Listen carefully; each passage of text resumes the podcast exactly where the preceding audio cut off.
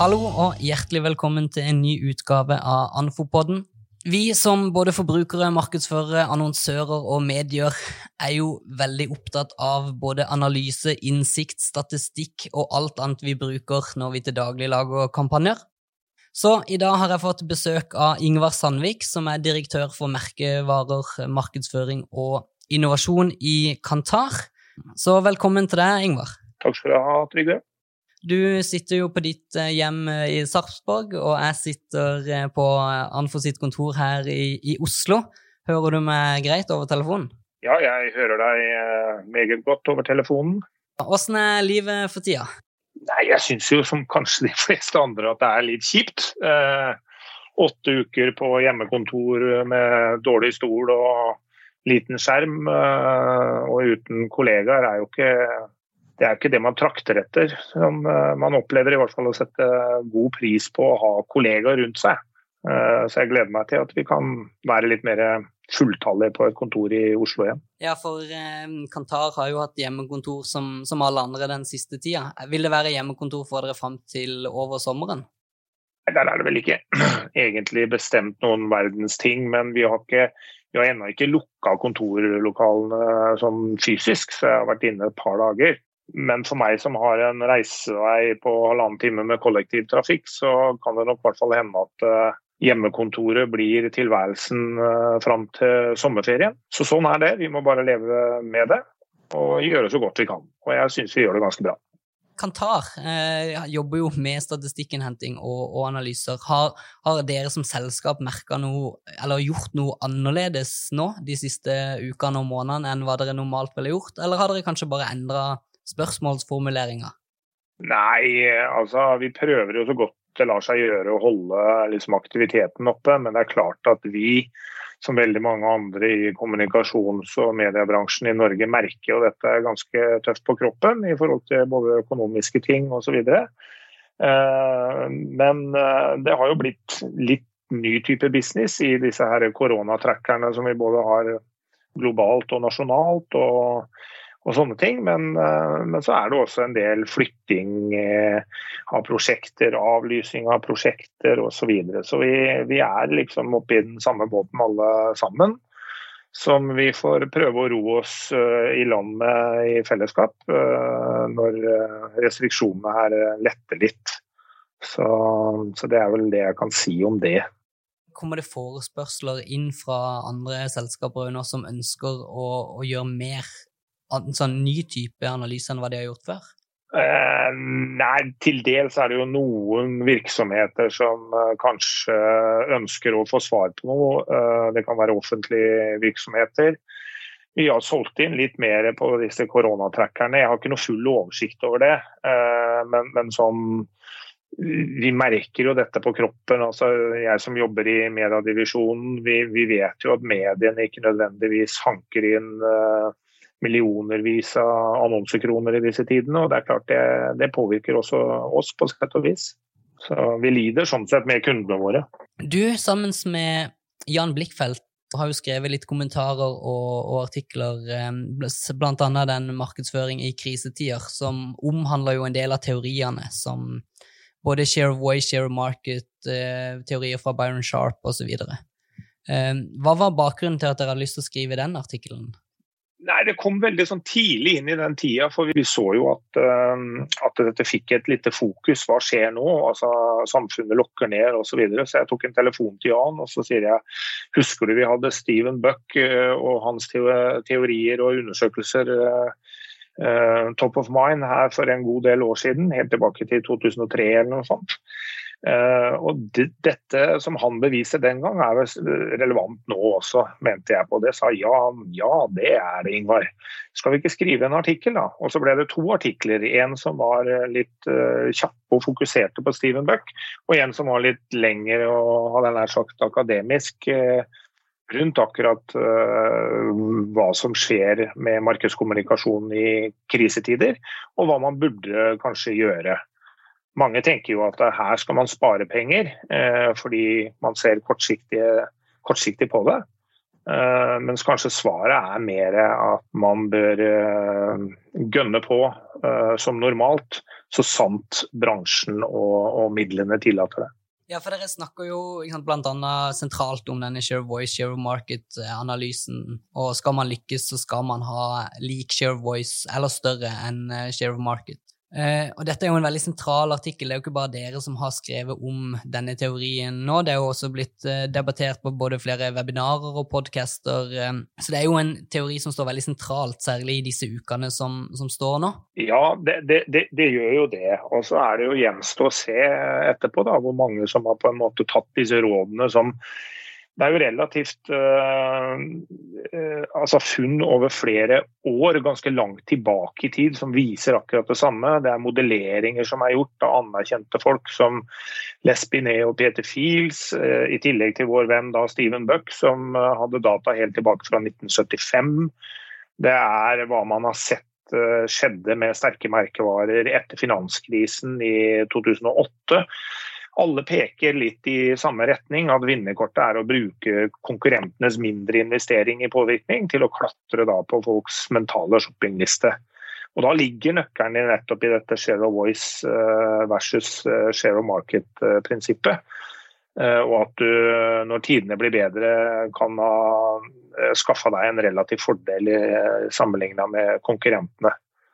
Så, så, Det er liksom det som ligger til grunn for det. Og så tror jeg veldig mange i kommunikasjonsbransjen ønsket å høre nettopp den type hva skal vi si, resonnementer og argumentasjon. Fordi veldig mange markedsførere sitter jo da og lurer på hva i all verden skal jeg gjøre for noe nå. Det kommer kanskje en økonomidirektør ned og sier nå må vi kutte i budsjettene, salget har stoppet, vi vet at neste måned ikke blir veldig bra. Tar man det litt lengre perspektivet på det, så er det kanskje altså det dummeste du kan gjøre. og snakker egentlig midt imot eh, alle andre teorier om langsiktighet i merkevarebygging osv. Ja, for mye av dette går jo rundt her sier du det er jo en teori, og så har du også praksis midt, eh, midt oppi dette. Eh, og egentlig mange sider av den saken på hva markedsførere og annonsører skal gjøre det har ikke vært kanskje like lett å bare, å bare kjøre på. Og ikke minst så har jo mediebruken til forbruker endra seg, som gjør jo at den strategien man gjerne satt med eh, bare for noen måneder tilbake, måtte endres totalt. Eh, eller det er i hvert fall mange som har endra den. Det er også noe vi skal snakke litt om seinere i, i, episoden. Men eh, hvis man ser forskjell på teori og, og, praksis Det er lett å si at noen bare skal kjøre på, og det er jo lett å og mene at det er det man trenger å gjøre for å være top of mind hos forbruker. Men kan man si at det er så enkelt? Nei, Det er ingenting som er så enkelt, og, og, i de tidene vi ser nå, så er det jo selvfølgelig sånn at uh, dette vil være litt uh, avhengig av hvilken bransje man representerer. Altså, Det er rimelig åpenbart når produktet ditt ikke er til stede, sånn som f.eks. reiseliv osv., så, videre, så så blir det litt meningsløst å, å koste på med reklame. Mens f.eks. en del andre uh, bransjer som kanskje ser en liten dipp, så vil det kanskje i hvert fall være viktig å følge med på hva konkurrentene dine gjør. altså Ha en konkurrentovervåkning som sørger for at du da holder dette stabilt. For En av de funnene som eh, Steven Buck gjorde i sin tid også, det var jo at alle kutta i annonsebudsjettene sine. Men det viktige var jo der å klare å følge med sånn at man uh, beholdt balansen i share of voice og share of market-prinsippet. Og, og, og, jeg tror også uh, de internasjonale studiene som vi har uh, sett, har jo vist at også forbrukerne er ganske positive til at det faktisk er reklame, at, at bedrifter fortsetter som tidligere. Da. At ikke de også uh, gjør noe som er helt unormalt i en relativt unormal tid, så blir det faktisk noe som er litt kjent og, og, og kjært. Og Det har vært kanskje en annen ting som markedsførere har lurt på. Er det OK uh, og liksom uh, dra nytte av denne situasjonen vi er i?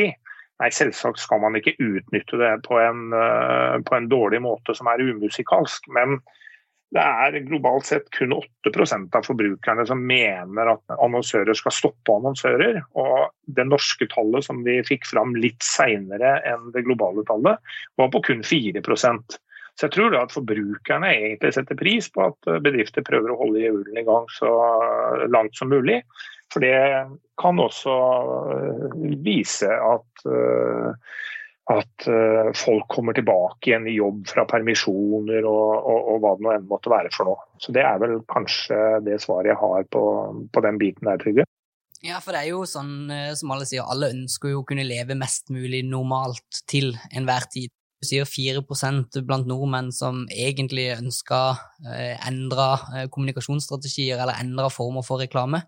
Men det har jo vært noen tiltak de siste ukene nå, hvor vi har måtte endre oss uansett. Og Ser man bare på det markedsførermessige her og, og, og drar det videre inn med share of voice, share of market-strategien, så er det jo noen mediekanaler som har fått mye større konkurranse, mens andre kanaler har jo ikke hatt muligheten til det i det hele tatt. Blant annet kino, som har vært stengt ned. Og ser du på bybildet, så har jo utendørs eh, ikke hatt like mange som har gått forbi sine plasseringer de siste ukene. Og mediebruken har jo da endra seg betraktelig. Ehm, det ser vi jo på mediebarometeret som kom ut nå eh, også. Det har jo vært nedgang totalt, men det er jo enkelte kanaler som øker eh, voldsomt. Og vi vet jo også at nordmenns mediebruk og medievaner har endra seg de siste ukene. Og der har vel dere også gjort en del undersøkelser for å kunne bekrefte dette? Ja, Vi har sett en del på, på, på dette med mediebruk, og, og, sist, men ikke minst, så, så, så har vi gjennomført en ny 24 Eh, undersøkelse, som er av denne mediedagboken som vi, vi har gjort eh, hvert annet år. Eh, i prinsipp, og Så har vi sammenligna de resultatene vi fikk gjennom koronakrisen med en mer normal periode. Da. Og Vi ser jo der de tingene som vi har sett i TV-meterundersøkelsen vår osv. At f.eks. TV er jo en av de kanalene som har fått en, en, eh, mye høyere oppslutning, både i forhold til daglig bruk, men også i forhold til den tidsbruken vi bruker på, på mediene. Og det er jo hva skal vi si, et incitament, da, hvis jeg kan bruke det for annonsører, at nå har du faktisk tidenes mulighet til å nå bredt ut til målgruppa di. som jo da det å bygge sterke merkevarer har vist seg å, å fordre og at man ikke er for eh, microtargeting, som kanskje har eh, skylt over bransjen vår i litt for mange år nå, med, med målretting på internett osv., så, videre, så vil jo den mediebruken som vi nå har sett, den gjør det jo ekstremt eh, Hva skal vi si Det er en ekstremt god tid for å nå ut til forbrukerne sånn som det er nå, med norske nyhetsmedier som digitale nyhetsmedier som har økt. TV har økt kraftig. Radio er vel totalt sett gjennom perioden stabil, men kanskje en liten trade-off mot f.eks. TV da, i den første delen av perioden. For vi har også sett et litt annet uh, TV-seingsmønster. At det har vært mer seing f.eks. på dagtid enn hva vi vanligvis ser. Og det har jo med oss som sitter på hjemmekontorene. Mens uh, radiolytting, som skjer veldig mye i bil, det fikk seg vel kanskje en ørliten uh, knekk i førsten, men er nå mer tilbake på normalen. Og Så kan jeg kanskje legge til det at det var en voldsom topp her i førsten akkurat på dette mediebruken, men at denne gikk, eh, har gått nedover, men ligger nå på et høyere nivå enn hva som var inngangen til korona. Ja, vi, vi, har jo sett, eh, bl.a. via vår egen koronatrekker som, som, vi har fulgt, er jo at ni av ti har jo endra kommunikasjonsstrategien. Og vi kan jo fort legge til grunn at eh, man har prøvd å endre den strategien for å være der forbrukerne. Og vi ser jo også at 12% som har besvart den, har jo flytta penger til, til, norske mediehus. Og det er jo mange av eh, reklamebudskapene som har endra seg til å prøve å tilpasse seg de, den tida vi har vært inne i nå. Eh, det har jo vært eh, samlinger både av internasjonale, men også norske reklamespotter som har spilt veldig mye på, på emosjoner. og det er jo blitt snakka om eh, hvilke effekter denne type strategi skal ha, både på, på kort og på, på, lang sikt. Og det er jo ikke bare markedsføringa man kan se på der, det er jo også hvilke type produktendringer selskapet har gjort, eller hvilke type funksjonsendringer selskapet har, har gjort eh, her. Ja, det var en, eh, var en lang sak. La meg, bare ta det første. da. Eh, dette med tilliten til norske medier. Og, og det positive velger jeg å si. At uh, norske annonsører nå også flytter penger mer over til uh, norske nyhetsmedier. Altså, Det vi målte i 24 timer nå, nå nettopp, som, uh, som, det har stått litt om i diverse nettmedier, det er jo at ni av ti har jo da en veldig høy tillit til norske nyhetsmedier. Mens f.eks. sosiale medier, som egentlig hva skal vi si, eh, tilfredsstiller en helt annen dimensjon, der er det bare én av ni eller én av ti som har den samme tilliten til de mediene. Eh, og Det gjør jo noe med selve environment for å kommunisere. Og litt videre på det du, du snakka om eh, typer kommunikasjon, og som jeg uttrykte som musikalitet. Internasjonalt så har man delt inn, har Kantar delt inn i tre typer kommunikasjonsstrategier, hvorav to av de er hva skal vi si, ren sånn koronatilpasset kommunikasjon. Den ene av de er å vise en praktisk og håndfast bevis på hvordan bedriftene da kan hjelpe. Her var Tesco en av de eh, eksemplene som jeg, som jeg, har sett blitt brukt. Og så er det det man kan kalle en ren emosjonell støtte, som er på en måte litt mer kanskje litt ulne å få grep om. Uh, og så er det da den tredje, som egentlig er en sånn business as usual-variant. Uh, uh, og Av de to første så viser det seg helt klart at der hvor bedriftene kan vise at man tilbyr eller tilpasser en, en, en mer sånn praktisk og håndfast bevis, funker mye bedre enn der hvor du prøver å være too emotional. Da, fordi folk får ikke helt tak på det. Når det gjelder business as usual, de som bare kjører på med den reklamen de alltid har hatt, så viste tester før koronakrisen, som man har gjort, så testa man de på nytt igjen under koronakrisen. Viser seg å være helt samme evaluering broadly speaking, på de reklamene. Og Det viser jo det at folk tar ikke avstand fra helt normal uh, virksomhet eller, uh, eller reklame, hva skal vi si. Eh, opp mot eh, at man må eh, spesialtilpasse det. Jeg tror ikke det er noe som sier at man må det. Men det er i hvert fall så langt jeg kan komme til å støtte opp under det du sier, Trygve. Så det man egentlig kan også sitte igjen med etter alt dette, er jo at noen av de som har endra kommunikasjonsstrategien, kanskje burde faktisk holdt seg på stø kurs og ikke gjort noen endringer? Ja, det er, det er, mulig. Altså, litt sånn, Jeg tror det var IUM eh, som var ute og snak, hadde sett litt på dette med logotriksing og sånne ting. og, og, og Folk syns jo kanskje det er greit i en periode og morsomt, men, men det utspiller ganske fort sin rolle, er nå min mening. Så Som et lite sånn taktisk grep for å vise et eller annet, så kan det sikkert være greit, men jeg tror ikke, jeg tror ikke det er der du får den langsiktige gevinsten, annet enn at du er faktisk litt på. da. Uh, og så er det kanskje ting visse bransjer ikke skal kommunisere nå. Jeg brukte reiseliv som en, eh, som en, eh, en veldig klar eh, kandidat på det. det. det. blir liksom meningsløst å vise folk som omfavner hverandre på stranda i et eller annet sydhavsstrøk, når det er helt umulig å komme dit. og tometersgrensa eller én meter som det er nå, eh, er det som gjelder, og ikke det å fly og klemme på hverandre, f.eks. Men det er litt sånn common sense oppi det her, er det ikke det? Det er jo det det bør være. Vi kan jo avslutte denne delen med, med litt sånn som vår kaller kalle norgesvenn eh, Peter Field sa. er jo Fortsett som vanlig helt til du får negative tilbakemeldinger, og får du det, så hør på de og tilpass. Det kan vel være en, eh, en grei avrunding, det. og synes det er Morsomt å se den siste trackeren deres uh, også, hvor, hvor, du ser at det nå er enda mer positivitet i hvordan bedriftene ser på, på tiden fremover. Og også det faktum at uh, det er en økt, økning i andelen som mener at de enten har et uendra reklamebudsjett, eller faktisk også øker det. Det er vel så mye som nesten opp i 40% nå. Og det tenker jeg at det er mye mer positivt enn det visse spådommer skulle ha det til. Det er jo flere bransjer som har eh, syns jeg har vært veldig flinke til å komme opp med, med gode tiltak og, og, grep for å sikre normal struktur i, i, sin industri eller sin bransje.